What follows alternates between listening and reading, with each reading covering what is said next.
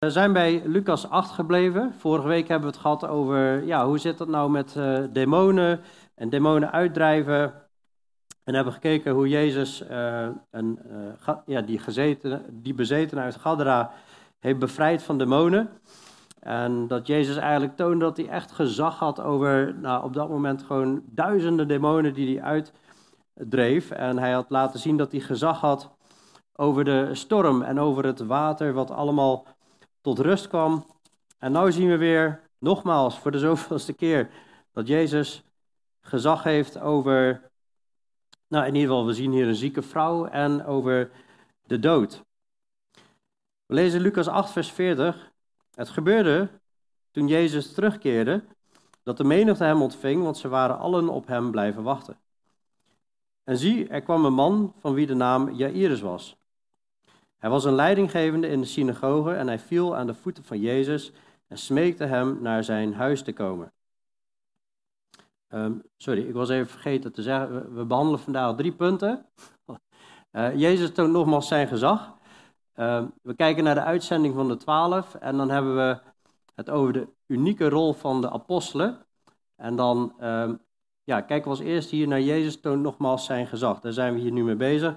Dus Jezus is teruggekeerd Um, en, en, en, en mensen die stonden daar eigenlijk te wachten op hem. Teruggekeerd over dat meer van Galilea. En de mensen um, wachten hem op. Ze waren blijven wachten. En zie, er was een man van wie de naam Jairus was. Een leidinggevende in de synagoge. Ja, de synagoge, dat is eigenlijk ja, waar de Joden dus samenkwamen. Elke Sabbat, elke zaterdag. En hij viel aan de voeten van Jezus en smeekte hem naar zijn huis te komen. Hij had namelijk één kind, een dochter van ongeveer 12 jaar. En die lag op sterven. En toen hij erheen ging, drong de menigte zich om hem heen. Dus deze man heeft een jonger kind, 12 jaar, lag op sterven. En toch, die man die vraagt hem mee te gaan. En toen hij erheen ging, hij ging dus mee, drong de menigte zich om hem heen. En een vrouw die al 12 jaar bloedvloeien had, en die al haar bezit aan dokters uitgegeven had, maar door niemand genezen had kunnen worden, kwam van achteren naar Jezus toe en raakte de zoom van zijn bovenkleed aan. En onmiddellijk hield het vloeien van haar bloed op. Nou, dit is wel bizar. We hebben het hier over een, een, een vrouw die twaalf jaar bloedvloeien heeft gehad. Sommigen zien een link tussen het kind van 12 jaar en het, de vrouw van 12 jaar. Ik weet het niet, maar in ieder geval uh, wel toevallig. Maar in ieder geval bloedvloeien, dat gaat waarschijnlijk over de, een, een onregelmatige menstruatiecyclus. En, en dat ze daar heel erg uh, last van had. Dat ze hele hevige bloedingen had. En heeft daar continu geld aan uitgegeven, al haar bezit aan dokters uitgegeven. En ze hoort van Jezus, heeft gezien van Jezus, ze denkt, dit is mijn kans, dit is mijn redding.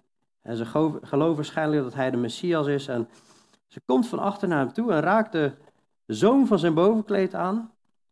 En instant was ze genezen. En Jezus zei, vers 45, wie is het die mij heeft aangeraakt? En toen zij het alle ontkenden, zeiden Petrus en die bij hem waren, Meester, de menigte duwt tegen u aan en verdringt u. En, en u zegt, wie is het die mij aangeraakt heeft? Wat, wat, zo van, is dit nou voor gekke vraag? Ik bedoel, eh, het is hartstikke druk hier. Natuurlijk heeft iemand u aangeraakt. Maar vers 46 zegt Jezus, iemand heeft mij aangeraakt, want ik heb gemerkt dat er kracht van mij uitgegaan is. En toen, vrouw, toen de vrouw zag dat zij niet onopgemerkt was, kwam zij bevend naar hem toe. En nadat zij voor hem neergevallen was, vertelde zij voor heel het volk om welke reden zij hem aangeraakt had. En dat zij onmiddellijk genezen was. En Jezus zei tegen haar: Heb goede moed, dochter, uw geloof heeft u behouden. Ga heen in vrede. Dat is bizar, hè? Jezus is eigenlijk onderweg naar een veel groter probleem. Iemand is stervende. En onderweg, iemand raakt hem aan, die heeft geloofd dat Jezus kan genezen. En instant genezen. En ja, als wij, als wij in onze tijd weten hoe complex het lichaam in elkaar zit, met, met alle, alle cellen en alle nou, complexiteit en zo, dan is het gewoon bizar dat iemand raakt Jezus aan en ineens is alles hersteld. Het hele systeem gaat in werking en boem is genezen. En Jezus zegt, heb goede moed, dochter, uw geloof heeft u behouden. ga heen in vrede. We zien eigenlijk in heel veel situaties terugkomen het geloof. Dat Jezus geloof wil zien. Zonder geloof is het onmogelijk om God te behagen, zegt Hebreeën 11 vers 6. En deze vrouw die gelooft waarschijnlijk dat Jezus de Messias is, gelooft dat hij haar kan genezen. En Jezus heb goede moed. Uw geloof heeft u behouden, ga heen in vrede. Hier zien we weer dat Jezus gezag heeft over wat voor ziekte dan ook, wat voor kwaal dan ook, en dat kan genezen. Nou, of hij dat altijd doet, daar hebben we het wel vaker over gehad, dat komt straks ook nog even aan bod. Dat is even de vraag, want er zijn meerdere redenen waarom mensen ziek kunnen zijn. Maar laten we verder gaan naar vers 49. Terwijl hij nog sprak, kwam er iemand van het huis van het hoofd van de synagoge en zei tegen hem: Uw dochter is gestorven. Val de meester niet lastig. Zo van: Laat maar, het is al, het is al te laat. Laat hem maar met rust. We gaan ons voorbereiden op de begrafenis. Maar toen Jezus dat hoorde, antwoordde hij hem: Wees niet bevreesd. Geloof alleen. En ze zal behouden worden. Toen hij in het huis gekomen was, liet hij niemand binnenkomen dan Petrus, Jacobus, Johannes en de vader en moeder van het kind. Dit zie je vaker in de evangelie, dat Petrus, Jacobus en Johannes, die worden heel vaak apart genomen van de twaalf. En die zien Jezus soms uniekere dingen doen, alsof hij daar een wat, een wat hechtere band mee had. Maar zij zijn ook van de apostelen heel krachtig gebruikt als fundamentleggers in het Nieuwe Testament. Petrus, Jacobus en Johannes, daar hebben wij, uh, nou, die, die, dat waren belangrijk ingezette uh, apostelen, dat zie je ook in, in, in handelingen en zo. Voor Petrus en Johannes hebben we ook brieven. Goed, ze zijn daar met de vader en moeder van het kind. En allemaal mensen huilden luid en bedreven rouw over haar. En, zij, en Jezus zei, huil niet, zij is niet gestorven, maar zij slaapt. En zij lachten Jezus uit, omdat ze wisten dat, hij gestorven, omdat zij, dat zij gestorven was. Die mensen hebben zoiets van, ja, hallo, we hebben gewoon haar zien sterven. We hebben de geest uit zien gaan. ze heeft de geest gegeven. Er is geen hartklopping meer, er is geen puls meer. Zij leeft niet meer. Mensen weten over het algemeen echt wel wanneer iemand gestorven is. Maar toen Jezus hen allen naar buiten gestuurd had, pakte hij haar hand en riep: Kind, sta op. En haar geest keerde terug. Dus haar geest, ze had de geest gegeven en haar geest keert weer terug.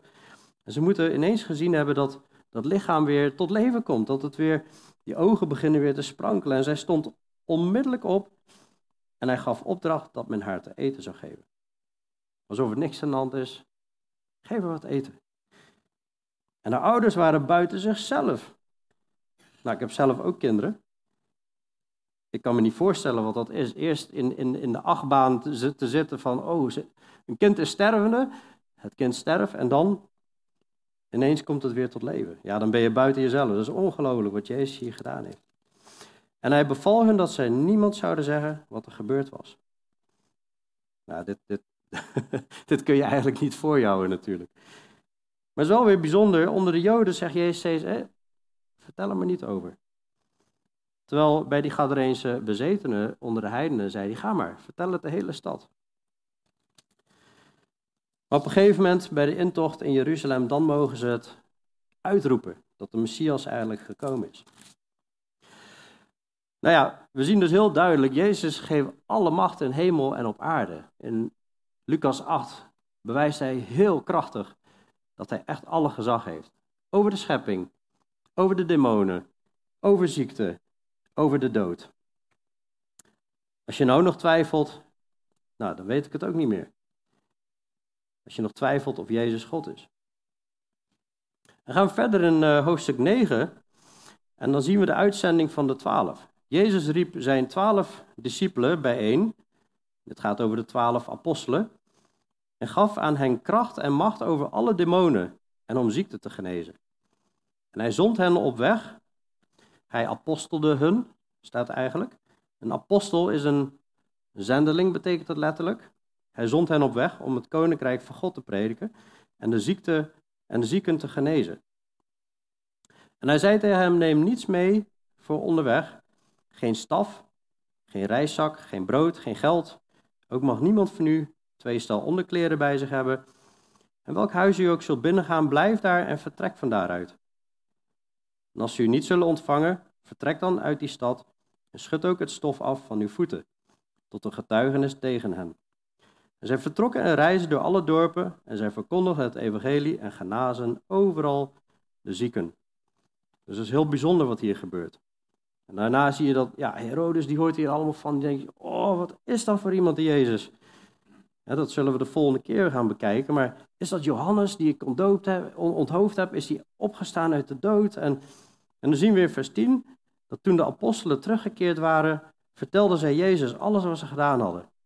En hij nam hen mee en vertrok alleen met hen naar de eenzame plaats bij een stad die Bethsaida heette. Nou ja, Jezus heeft eerst die apostelen geloof en moed ingepompt. Hij heeft ze laten zien waar hij toe in staat is, welk gezag hij heeft. En nu zegt hij, ja, oké, jullie zijn in training geweest bij mij, nu ga ik jullie uitzenden. Ze hebben eigenlijk nog geen besef wat voor impact het heeft, wat ze eigenlijk gaan doen, wat voor fundamentleggers ze worden van het nieuwe verbond. Maar dit is heel bijzonder wat hier gebeurt. Nu wil ik vooral hierbij stilstaan. Allereerst gewoon mogen we in verwondering raken over wat Jezus hier heeft gedaan. Hoe hij mensen macht geeft gewoon over de demonen en om zieken te genezen. En in Matthäus 10 zelfs om doden op te wekken. Daar mogen we van onder de indruk raken. En daardoor mogen we ook weten, die apostelen die waren ook gezaghebbend om het fundament te leggen. Er staat in Efeze 2 dat zij met de profeten het fundament gelegd hebben.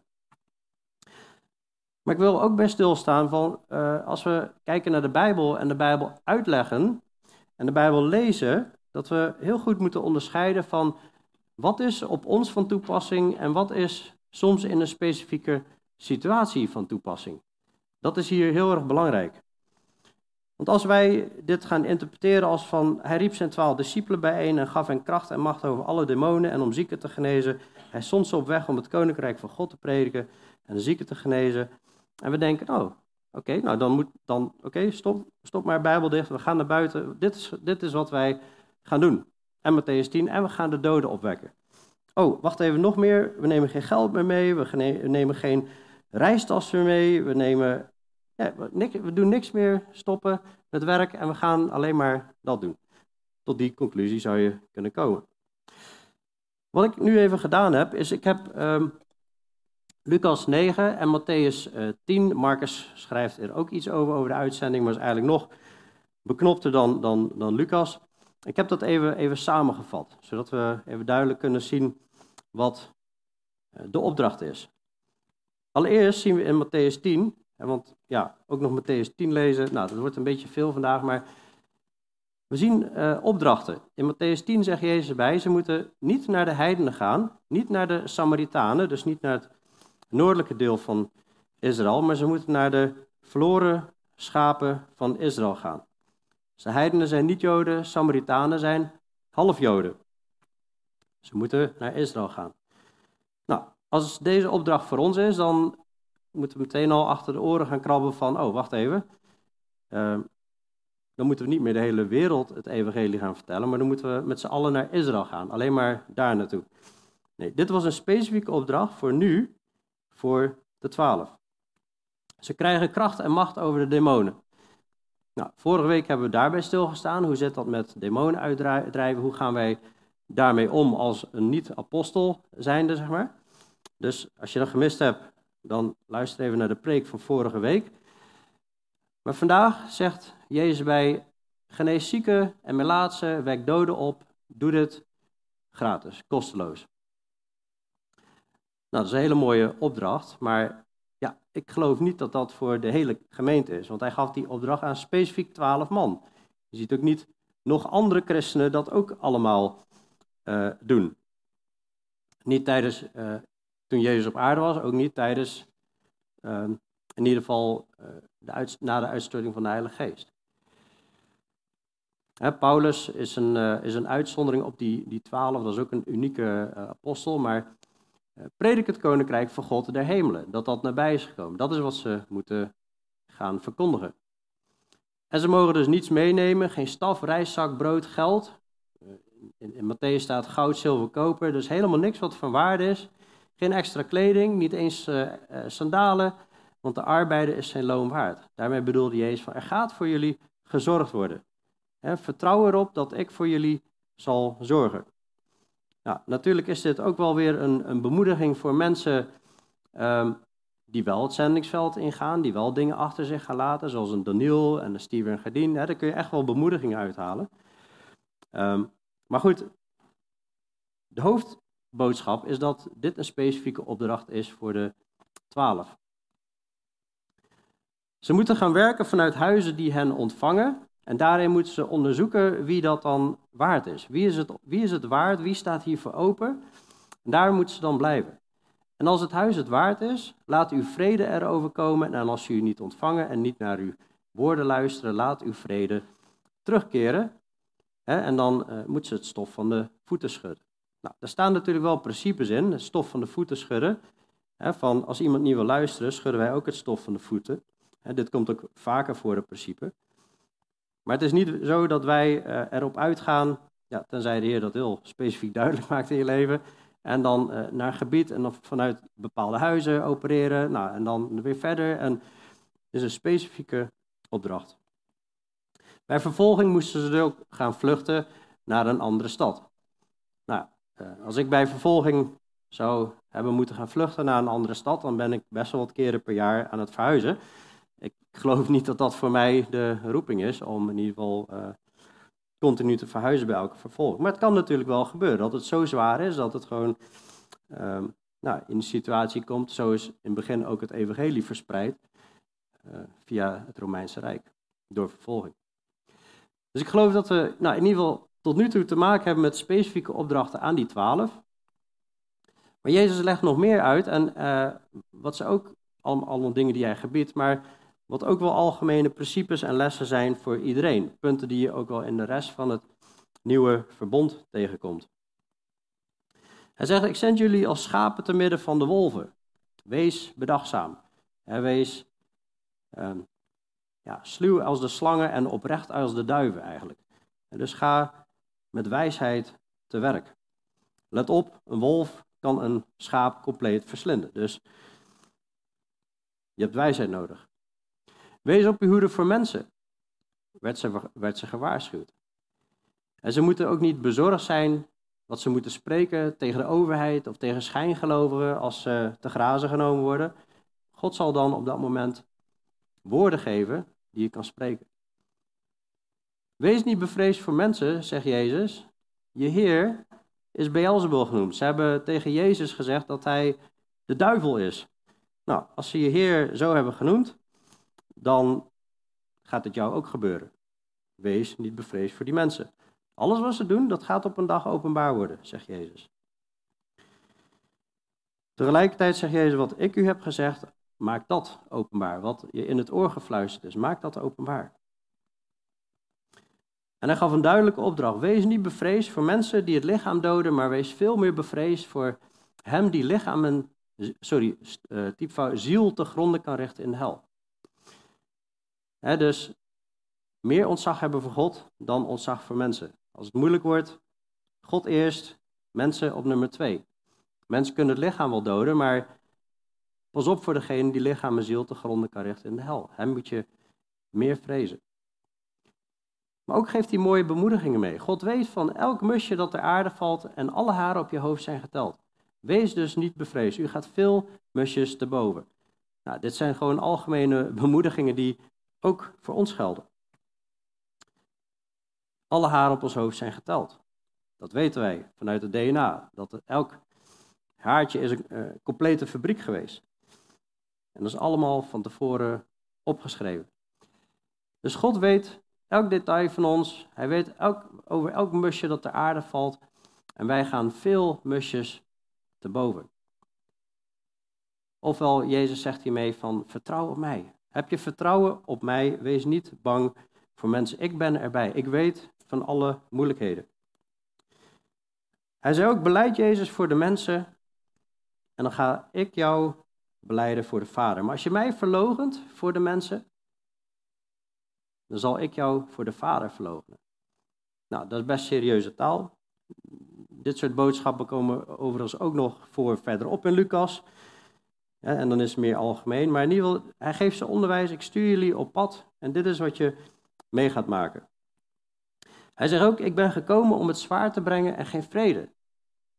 Zijn woord gaat families verdelen. Ofwel hij zegt, leer de mensen eigenlijk van, jij moet een keuze maken. Maakt niet uit wat je vrouw doet, of je man doet, of wat je kinderen doen, of wat je ouders doen. Jij moet voor mij kiezen, jij moet mij gehoorzamen. En het kan zijn dat de ander dat niet doet en dat dat verdeeldheid gaat brengen in families. Hij, hij, zei, ook, hij zei ook, wie zijn leven vindt, die zal het verliezen. Als jij vasthoudt, als mensen vast gaan houden aan hun leven, dan gaan ze het kwijtraken als ze niet alles op willen geven.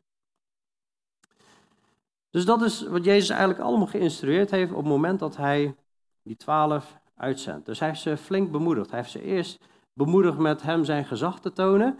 En daarna heeft hij hem bemoedigd met: Oké, ga op pad. Dit wordt spannend. Je mag niks meenemen. Ik ga voor je zorgen. Maar besef dit: jullie hebben een missie om mijn woorden te brengen. En ik ben erbij. Wees niet bang. Dit woord gaat een uitwerking hebben. Dit gaat sommige levens heel mooi transformeren en in andere levens gaat het verharden. Naast de twaalf die hier uitgezonden worden in Lucas 9, zien we ook nog een, een, een groep van 70.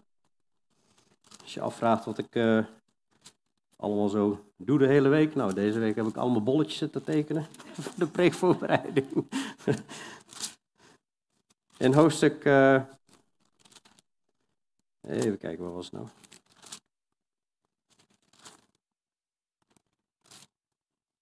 Wel tien. Oh, ik zit al te ver. Ja.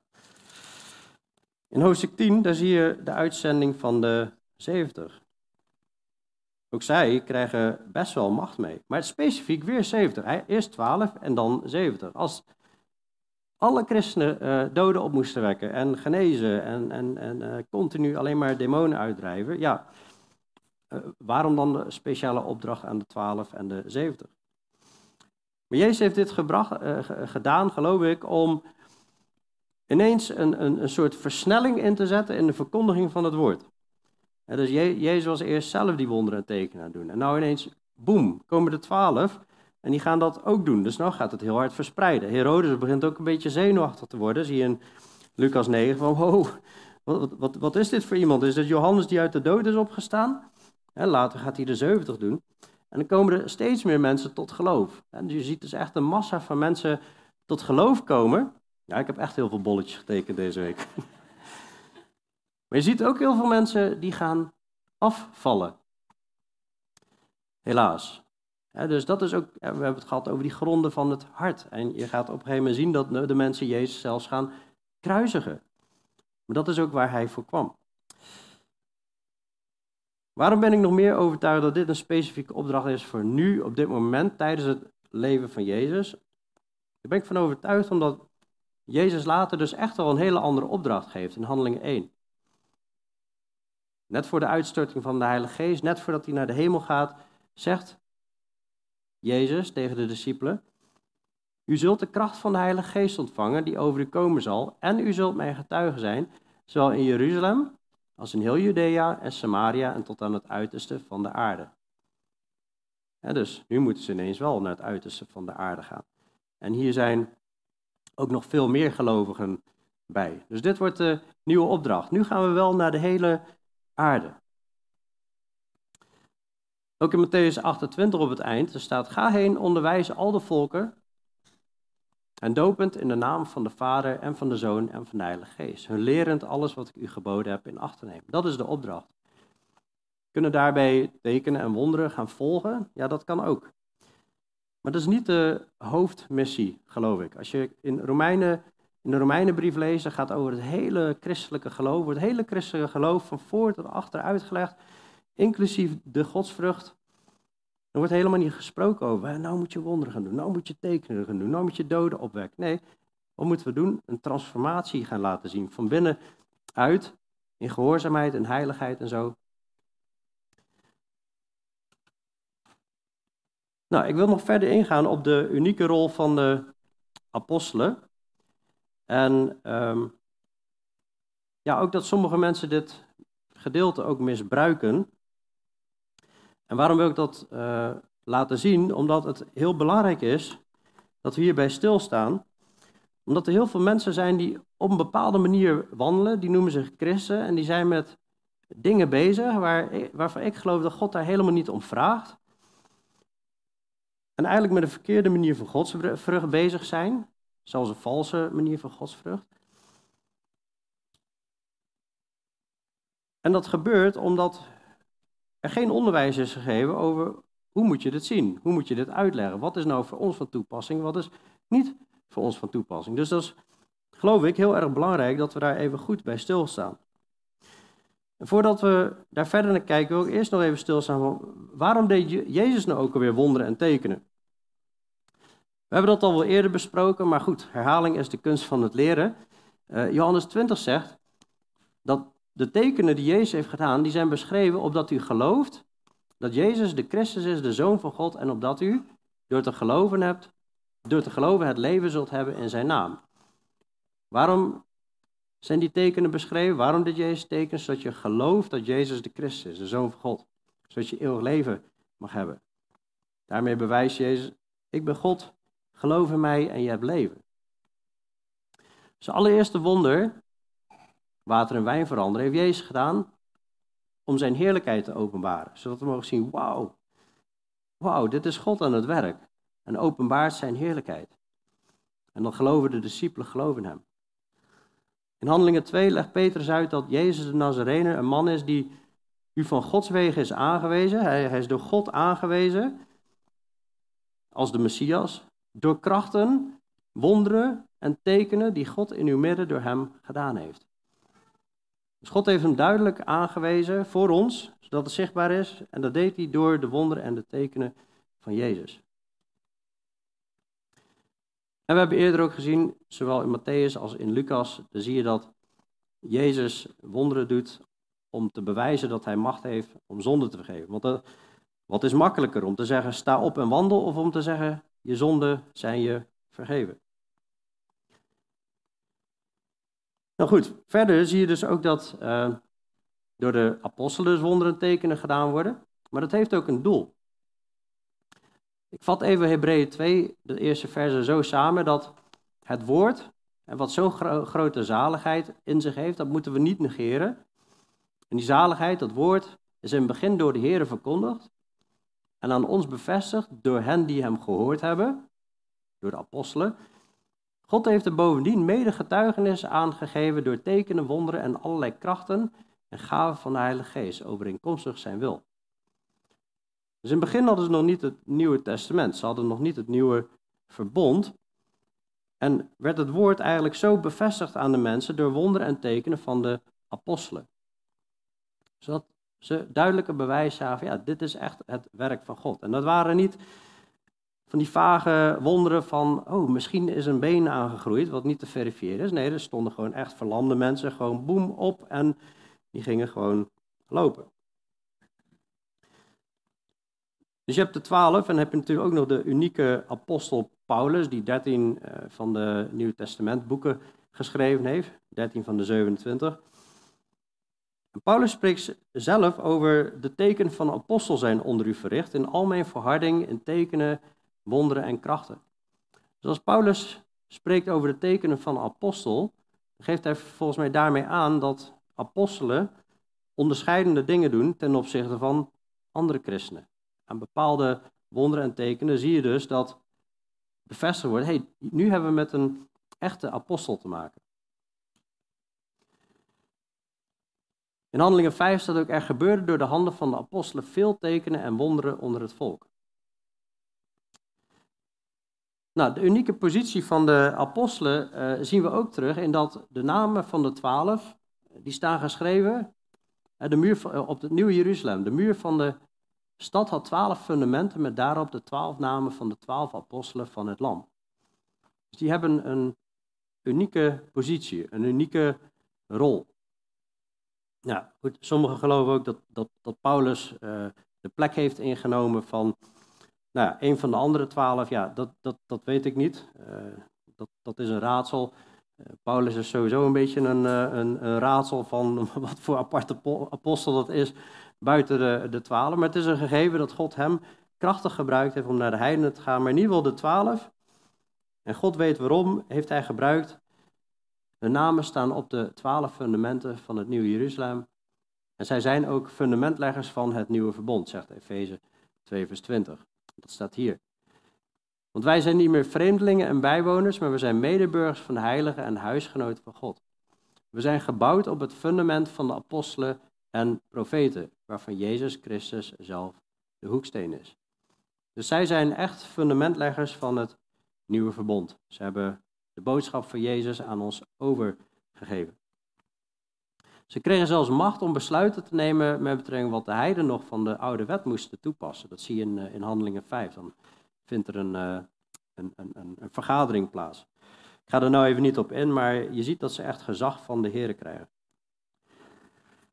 In 1 Corinthië 4 vers 9, daar zegt Paulus, uh, ik denk dat God ons, de laatste apostelen, heeft tentoongesteld als mensen die ter dood, ter dood veroordeeld zijn. We zijn immers een schouwspel geworden voor de wereld en voor engelen en voor mensen. Dus hiermee krijg je het idee dat Paulus aan het zeggen is dat, uh, nou, in ieder geval, de uh, ik denk dat God onze laatste apostelen, dat, dat hij dat ten einde aan het uh, brengen is. Een schouwspel geworden voor de wereld en voor de mensen. Nou goed, Paulus getuigt zelf ook dat hij voor de wilde dieren gevochten heeft. Dat ze van alles en nog wat meemaken, verdrukking, vervolging. Dit zou erop kunnen duiden dat Paulus hiermee wil zeggen van het apostelschap zoals we dat kennen loopt ten einde. Een apostel betekent een gezondene. Hè, dus zendelingen hebben we nog steeds. We zenden nog steeds mensen uit. Bijvoorbeeld Steven Gedien, die nieuwe kerken gaan planten. Dus het idee van een uitgezondene, dat kennen we nog steeds. Maar met het gezag en de macht van wat de twaalf hadden en, en, en, en, en Paulus, dat geloof ik, dat zien we eigenlijk niet meer. En dat zal ik zo ook nog wat verder onderbouwen.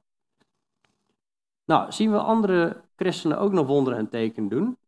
Uh, na de uitstorting van de Heilige Geest zien we enkelen, zoals Stefanus en Filippus, over wel best wat uh, jaren door, handeling heen. Maar die zie je op een gegeven moment uh, nog wel wonderen teken doen. Maar dat zijn mannen die door de twaalf zijn aangesteld als zeven, ja, zeg maar, uh, je zou kunnen zeggen, een soort van diakenen. Maar die later ook eigenlijk echt het woord gaan verkondigen. En die zie je ook nog wonderen teken doen. Maar verder zie je eigenlijk geen verslagen van andere christenen die dat ook allemaal zo massaal aan het doen zijn. Ik geloof ook dat um, er duidelijk instructies gegeven zijn in de, in de brieven, in, uh, in 1 Korinthe bijvoorbeeld. Hè, maar er wordt sowieso in het nieuwe verbond gesproken over 20 gaven van de geest. Sommigen zeggen 18, 19, maar in ieder geval iets in die richting. Romeinen 12, Efeze 4 en 1 Korinthe 12, daar worden gaven genoemd. En nou, dat zijn gaven waarbij Paulus zegt van in 1 Korinthe 12, we hebben niet allemaal dezelfde gaven. We hebben niet allemaal dezelfde functie. De hand is niet de voet en de voet is niet uh, de hand en het oog heeft weer een andere functie. En een van de gaven die genoemd wordt is een gave van genezing. Terwijl die aan het uitleggen is, niet iedereen heeft dezelfde gaven. Dus daarin zie je al dat niet iedereen gaat genezen. Daar is een verscheidenheid in. Nou, ook met andere. Uh, nou, laat ik zo zeggen, er zijn allemaal, allemaal gaven van de geest, maar heel veel zijn helemaal geen, laat ik zeggen, uh, spectaculaire dingen. je, je, hebt de gave van dienen, je hebt de gave van ontfermen, je hebt de gave van uitdelen. Uh, nou, natuurlijk, in Gods ogen is het wel spectaculair, maar ik bedoel, wat vaak spectaculair genoemd wordt, is van uh, wonderen, tekenen, in talen spreken. Um, iets boven uh, natuurlijks. Maar goed, in ieder geval, ik geloof dat alle gaven gewoon toegepast moeten worden. Maar we zien ook hè, de veiligheidsgordel. Mensen waren daar in talen aan spreken. En, en, Paulus begint te zeggen: Oh, wacht even. Hier moeten we even de rem op doen. Want dit, dit loopt helemaal uit de hand. Dus we zijn hier allemaal door elkaar aan het brallen. Waar gaat het om, de gaven? Het gaat om dat we elkaar opbouwen. dus we moeten duidelijke woorden spreken naar elkaar. Dat is zijn punt in 1 Corinthië 14. Maar goed, als we even specifiek kijken naar dat punt van genezen. En ik geloof echt dat er iets veranderd is. Hè. Eerst had je de apostelen, waren allemaal aan het genezen, wonderen tekenen doen. Maar ineens zegt Jacobus, als er iemand ziek is onder jullie, dan moet je met olie gaan zalven. En wie moet, die, wie moet er dat doen? Is iemand onder u ziek, laat hij dan de ouderlingen van de gemeente bij zich roepen en laat die voor hem bidden en hem met olie zalven in de naam van de Heer. Dus ineens zie je dat ja, die rol van genezing ineens bij de uh, ouderling neergelegd wordt, ouderlingen neergelegd wordt. Van als er iemand ziek is, roept de ouderling, die moeten zo iemand salven. Dus het laat voor mij al zien van, hé, hey, waarom zegt hij hier niet van roep apostelen bij je, zeg maar. Hè? Ineens zijn het ouderlingen die moeten doen en het gelovige gebed zal de zieke behouden en de Heer zal hem weer oprichten. En als hij zonde gedaan heeft, zal hem dat vergeven worden. Beleid elkaar de overtredingen en bid voor elkaar opdat u gezond wordt. Een krachtig gebed van de rechtvaardige brengt veel tot stand.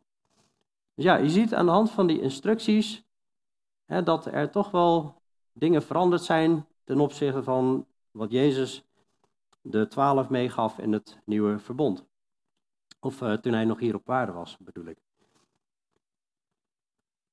Je ziet ook dat er niet altijd genezing is. Sommige mensen zeggen, ja, je ziet dat Jezus hier altijd geneest. Je ziet dat de apostelen altijd genezen. Nou, dat, dat is nog maar de vraag. Jezus geneest ook niet altijd. In Johannes 5 zie je daar een voorbeeld van. Maar in het Nieuwe Testament, als dat verder uitgewerkt wordt, zie je ook dat Paulus moet Trofimus op een gegeven moment ziek achterlaten. Paulus heeft zelf een doorn in het vlees, een engel van de Satan die hem met vuisten sloeg. Met de reden dat hij zich niet zou verheffen. We weten niet precies wat het is. Het lijkt op iets van, nou, in zijn vlees, iets wat uh, hem pijn geeft, een ziekte of zo. Uh, drie keer had hij tot de Heer gebeden van, ja, wilt u dat wegnemen? Maar God had gezegd, mijn genade is jou genoeg. En dus Paulus kampte zelf ook met dingen. Daarnaast, we hebben ook een preek over oorzaken van het lijden waarin we allemaal oorzaken van lijden laten zien. En ziekte en lijden is soms onderdeel van Gods plan, indien nodig. Nou, 1 Petrus 1 spreekt bijvoorbeeld over vervolging en verdrukking, hè, waarin je lijden ziet. 2 Korinthe 4 heeft het over lichamelijke lijden. Onze tent hier wordt afgebroken. 1 Korinthe 12 spreekt zelfs over wanneer je onwaardig deelneemt aan het, aan het avondmaal, dat je jezelf tot oordeel kan eten. Dat je door God bestraft kan worden. Daarom zijn sommigen zwak, ziek en zelfs gestorven. Dat is niet iets wat ik bedenk, dat kun je gewoon lezen in 1 Korinthe 12. Dat staat daar letterlijk zo.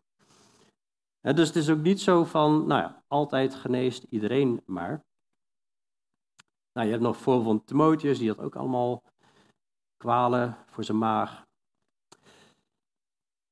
Maar goed, ik wil ook even bij stilstaan van zijn wonderen en genezingen altijd voor God. Want ik wil een beetje daar naartoe dat ik wil laten zien dat er ook groeperingen zijn die zeggen van er gebeuren wonderen en tekenen, dus dit moet wel van God zijn. Nou, dat is niet altijd zo. Hè. Dat laat Jezus zelf, oh, dat zegt Jezus zelf in Matthäus 24, dit gaat over de eindtijd. Er zullen valse christenen en valse profeten opstaan en ze zullen grote tekenen en wonderen doen zo dat zij, als het mogelijk zou zijn, ook de uitverkorenen zouden misleiden.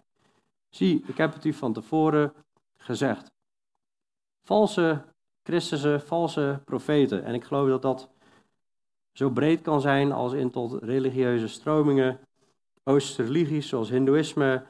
In de New Age, daar praten ze ook prima over Jezus. Ik heb wel eens een Reiki-master gesproken. Nou, die had helemaal geen probleem om ook over Jezus te praten. Alleen hij bedoelde echt een compleet, hij had een compleet ander verhaal als het ging om Jezus. Nou, vals christendom. Er zijn heel veel mensen die gewoon een, een, een ander evangelie hebben, een andere Jezus. Denk aan Jehovah-getuigen, katholieke kerk. Maar ook in, in, de charismatische stromingen zitten echt grote gevaren vandaag de dag. Jezus zelf heeft gezegd van, let op, er komen op die grote dag mensen, velen, die zullen zeggen, Heere, Heere, hebben wij niet in uw naam geprofiteerd, in uw naam demonen uitgedreven en in uw naam veel krachten gedaan? En ik zal hen openlijk zeggen, ik heb u nooit gekend. Ga weg van mij, u die de wetteloosheid werkt. Dus ja, Jezus gaf macht aan de apostelen. Hij geeft macht om te genezen, zelfs doden op te wekken. Maar dat wil niet zeggen dat iedereen die een wonder of een teken doet, de tovenaars van de farao konden ook wonderen en tekenen, dat dat per se het werk van God is. 2 Thessalonicense 2 zegt zelfs van dat de komst van de antichrist, en zijn geest is nu al werkzaam,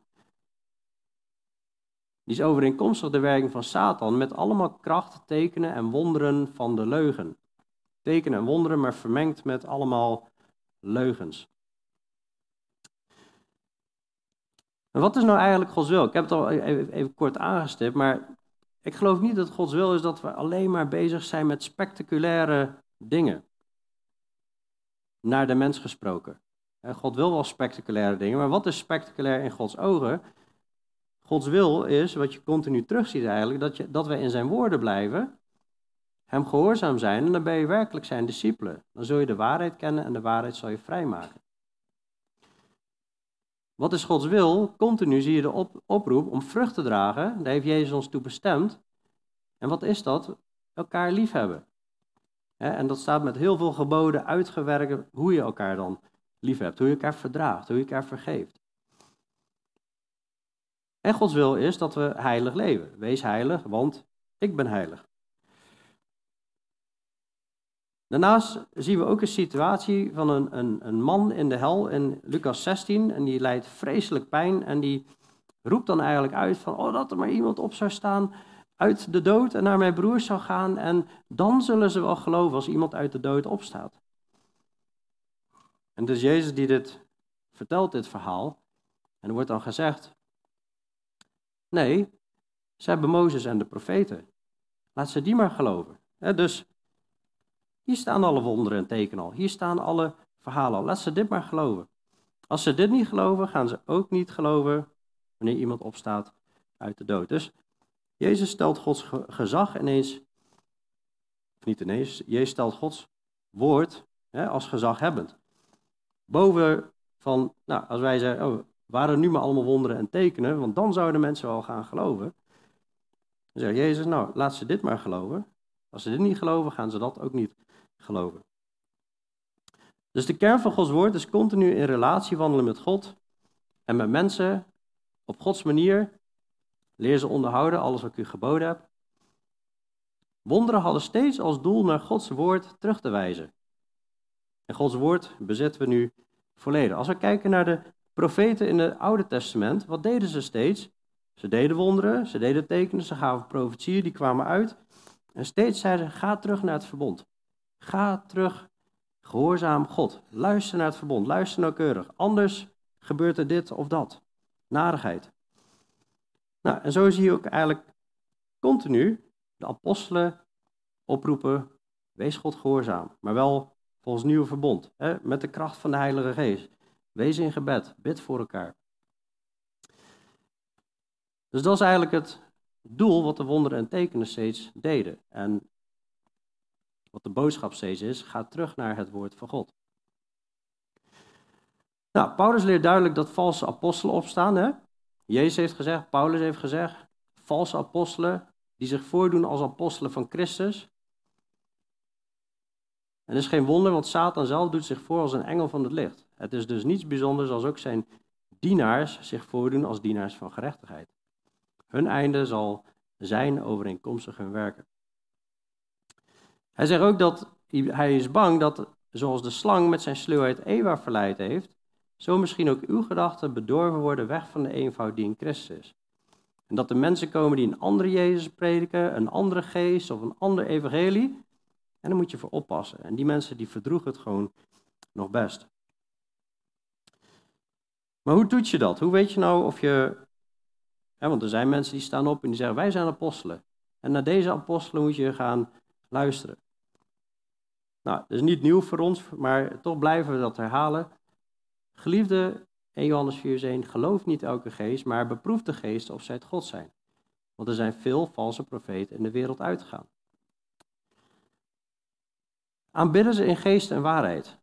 De ware aanbidders zullen de Vader aanbidden in geest en waarheid. Dus wat, wat spreken ze? Wat onderwijzen ze? Wat is hun leer? Wat is hun doctrine? Dat is super, super belangrijk.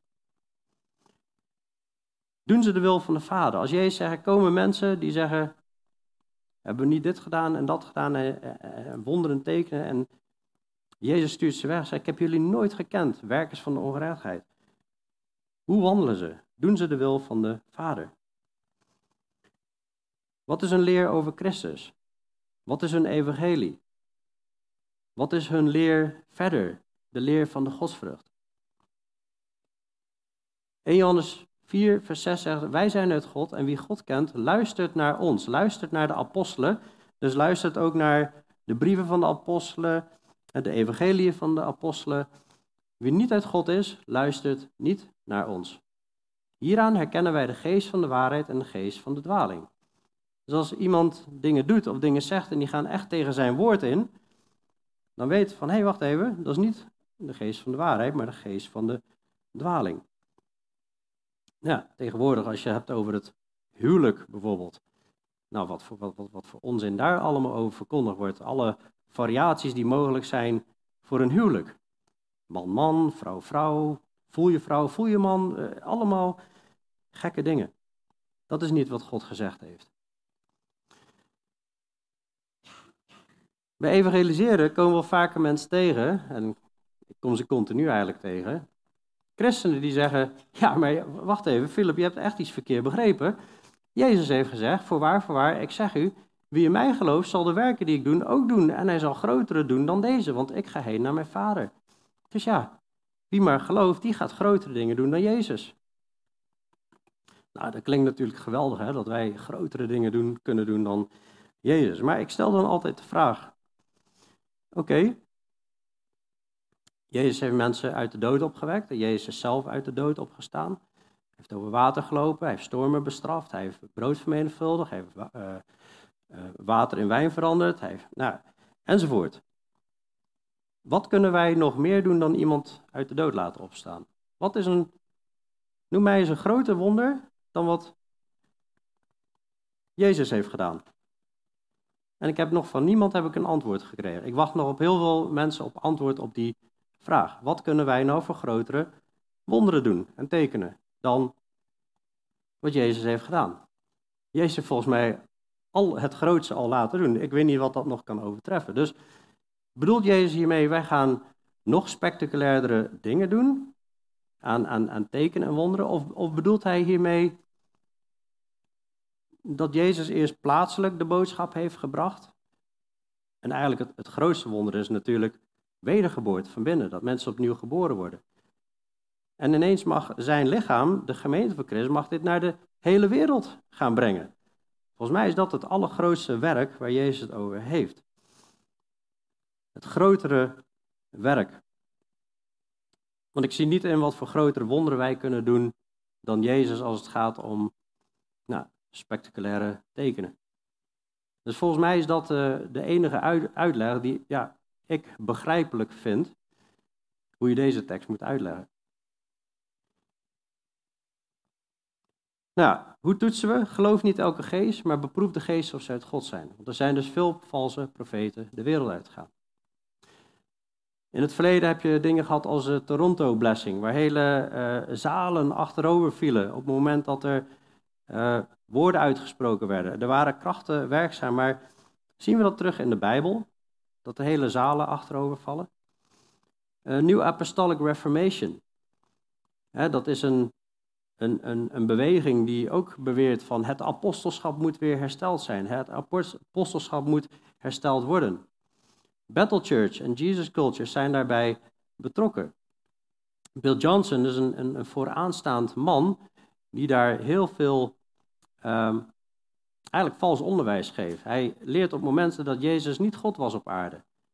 Uh, ze hebben fire tunnels. Uh, fire tunnel is dan, dan gaan mensen eigenlijk, twee mensen eigenlijk zo tegenover elkaar staan. Eentje zo en eentje zo. En dan een hele rij maken en dan lopen mensen er doorheen. En die beginnen te schudden en te schreeuwen en allemaal. Waar zien we dat in de Bijbel? Soaking, emotionele muziek, net zolang tot we helemaal zwaar emotioneel worden gravesucking. Inmiddels ontkennen uh, sommigen dat, dat ze dat gedaan hebben, maar er zijn gewoon bewijzen, er zijn gewoon foto's. Dan gaan ze op graven liggen En van een of andere profeet of een of andere bijbelleraar. En dan willen ze die zalving willen ze dan opzuigen of zo. Nou, ik weet niet hoe ze het allemaal bedenken, maar iemand die in de graven bezig was in het Nieuwe Testament, waar wij vorig jaar naar keken, daar, ging het niet helemaal goed mee. Uh. It's all about you. Het gaat allemaal over jou. Het gaat allemaal over genezing. Oh, God gaat jou gebruiken om Nederland te bereiken. Grootste dingen. Oh, dat land gaat opgewekt worden. Het zijn allemaal positieve dingen die je vaak hoort. Weinig over bekering. Zalving door handoplegging wordt doorgegeven. Wat, wat die zalving ook maar mag betekenen. Maar ik denk dat dat andere geesten zijn. Hun leer eigenlijk, dat is hun godsvrucht, is we moeten de wereld transformeren via zeven pijlers. Via politiek, kunst, entertainment, religie, bedrijfsleven. Maar wat gebeurt er dus? Dan gaan mensen gaan dus heel hard het bedrijfsleven in. En gaan daar al hun tijd en energie in stoppen. Denken, ja, wij moeten invloed hebben. En, en, en zo het koninkrijk van God bouwen hier op aarde. En als we de bedrijven hebben overgenomen. En de politiek en de cultuur en de kunst. En dan komt Jezus zijn koninkrijk vestigen. Nou, dan werk je dus eigenlijk helemaal kapot. En dan ben je bezig met iets wat de Heer eigenlijk niet vraagt. Daarom is het gewoon zo belangrijk dat we hierbij stilstaan. En heel veel mensen worden hierin misleid. Waarom worden ze hierin misleid? Omdat ze niet doen wat wij nu aan het doen zijn, om gewoon te kijken van hoe interpreteer je Gods woord? Is dit een opdracht voor ons om de zieken en, en, en um, te genezen en doden op te wekken? Nou, hij is ook vrienden met Benny Hinn, Heidi Baker, Todd Bentley. Te veel om nu allemaal op te noemen, maar dit, dit zijn echt gevaarlijke mensen als je kijkt naar hun godsvrucht. Bill Johnson, één voorbeeld maar, die heeft op in maart 2020 heeft hij uh, bevolen, heeft hij eigenlijk uitgeroepen dat uh, geen, christen, geen enkele christen zou het coronavirus krijgen. Dus, nou, die meer dan twee jaar geleden voorzegd. En dat christenen die het al uh, hebben of positief getest zijn, die zullen allemaal genezen. Nou goed, we zijn bijna duizend dagen verder. Is dit waar gebleken? Nee, dit is niet waar. Wereldwijd hebben heel veel christenen hebben gewoon het coronavirus gekregen. Dus het is niet waar, dit is een valse profetie. Vineyard, Lakeland Revival, dat zijn allemaal van die stromingen waar het allemaal draait om het gevoel. Dus het is belangrijk dat we daarvoor opletten. 1 Johannes 4, geloof niet elke geest. Uh, word of Faith, krachtevangelie, Kingdom Now, Word of Faith. We spreken iets uit, um, iets wat wij graag willen. En als jij daar maar in gelooft, dan moet jij dat geloof hebben en dan zal het uitkomen. Maar goed, dat hoor je mensen in de wereld ook zeggen. Is dat wat het Nieuwe Testament leert? Het krachtevangelie. Als er geen wonderen en tekenen zijn, dan heeft het evangelie geen kracht. Waar staat dat in de Bijbel? Kingdom Now, dat is een leer over eigenlijk ja, gewoon de eindtijd, wat ik net al uh, wat noemde. En dan heb je weer nieuwe stromingen die opstaan, de Last Reformation. Nou, te veel om op te noemen op godquestions.org. Daar heb je heel veel uh, vragen en antwoorden. Een website met uh, eh, 700.000 vragen en antwoorden, die is best redelijk betrouwbaar op heel veel fronten. Nou, dan kun je dit soort dingen wel wat terugvinden, om daar even kort wat informatie over te krijgen. Hun doel is nieuwe kerken planten, geen dominaties, maar via small groups en andere routes infiltreren ze kerken en daar zijn ze echt al heel erg goed in geslaagd. Waarom? Omdat er geen onderwijs gegeven wordt en geen onderscheid gemaakt wordt tussen wat is echt en wat is niet echt. Want men durft dat eigenlijk niet meer.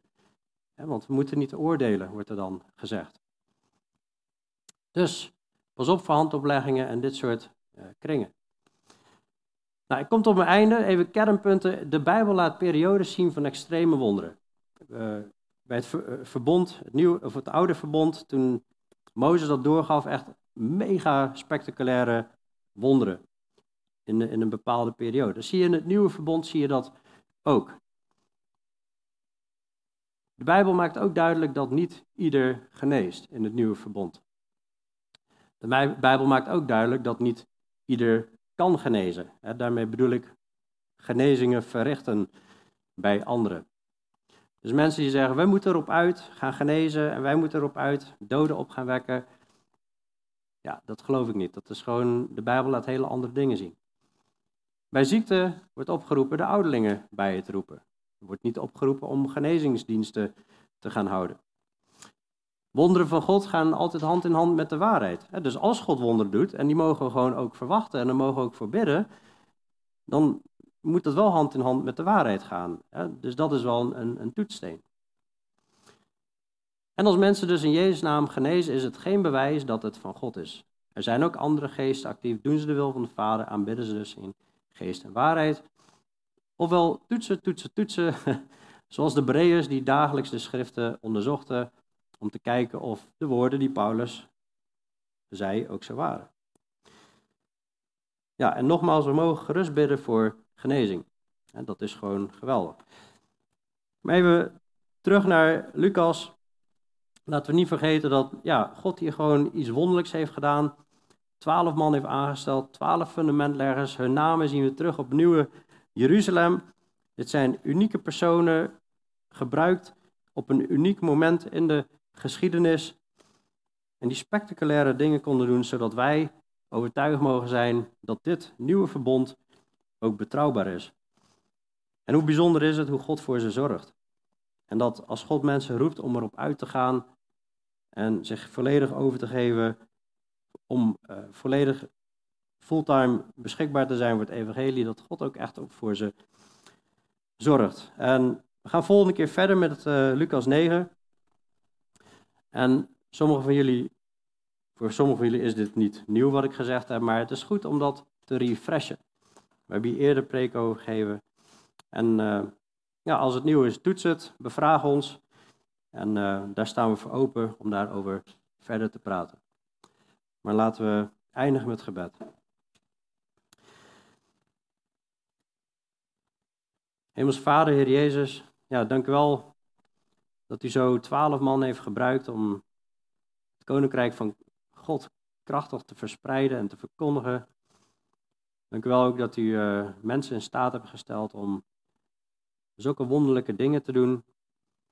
En uh, ja, soms denk ik wel eens van, zou veel makkelijker zijn als u zelf gewoon alles doet wat het evangelie betreft. Maar toch laat u steeds zien dat u mensen wil gebruiken om ja, uw woorden te verkondigen. Heer, en ook al kunnen wij niet van die spectaculaire wonderen en tekenen doen als de apostelen. We zien wel dat u ons wil gebruiken en dat u, terwijl u ons wil gebruiken, ook voor ons zorgt. En Heer, daar dank u voor. Wilt u geven dat we krachtig gebruikt mogen worden en Heer, als u wel wonderlijke dingen wil doen in dat alles, Heer, dan uh, willen we daar ook om vragen en dat verwachten. Als u dat wil gebruiken om mensen tot, tot u te brengen, tot geloof te brengen. Heer, wilt u uh, ja, ons ook onderscheid geven? Er komen veel mensen tegen, ook met evangeliseren, die op allerlei dwaalwegen zitten, op allemaal sporen van onderwijs waar ja, wat u niet onderwezen hebt, Heer. En bid ook voor die mensen, Heer, voor uh, bekering en voor inzicht en voor ja, dat ze zich volkomen aan u zullen onderwerpen en echt in, uw weg zullen wandelen. Zelfs voor zo'n Bill Johnson en die mensen uit de New Apostolic Reformation en de Last Reformation. Heer, we bidden voor bekeringen, dat die mensen daar uh, uit, uit weg zullen gaan en ja, volledig tot uh, gewoon uw woord alleen zullen komen en, en niks anders dan dat. Heer, wilt u uh, ja, ons zegenen in het evangelisatiewerk? Wilt u ja, ons ook krachtig gebruiken, Heer? En geven dat we echt uh, mensen hier naartoe mogen zien komen, Heer. Naar aanleiding van het evangeliseren. Of dat nou iemand thuis is of gewoon via het, de straatevangelisatie. Wilt u dat krachtig gebruiken? Zodat we nog vele toegevoegd mogen zien worden aan uw koninkrijk. In Jezus' naam. Amen.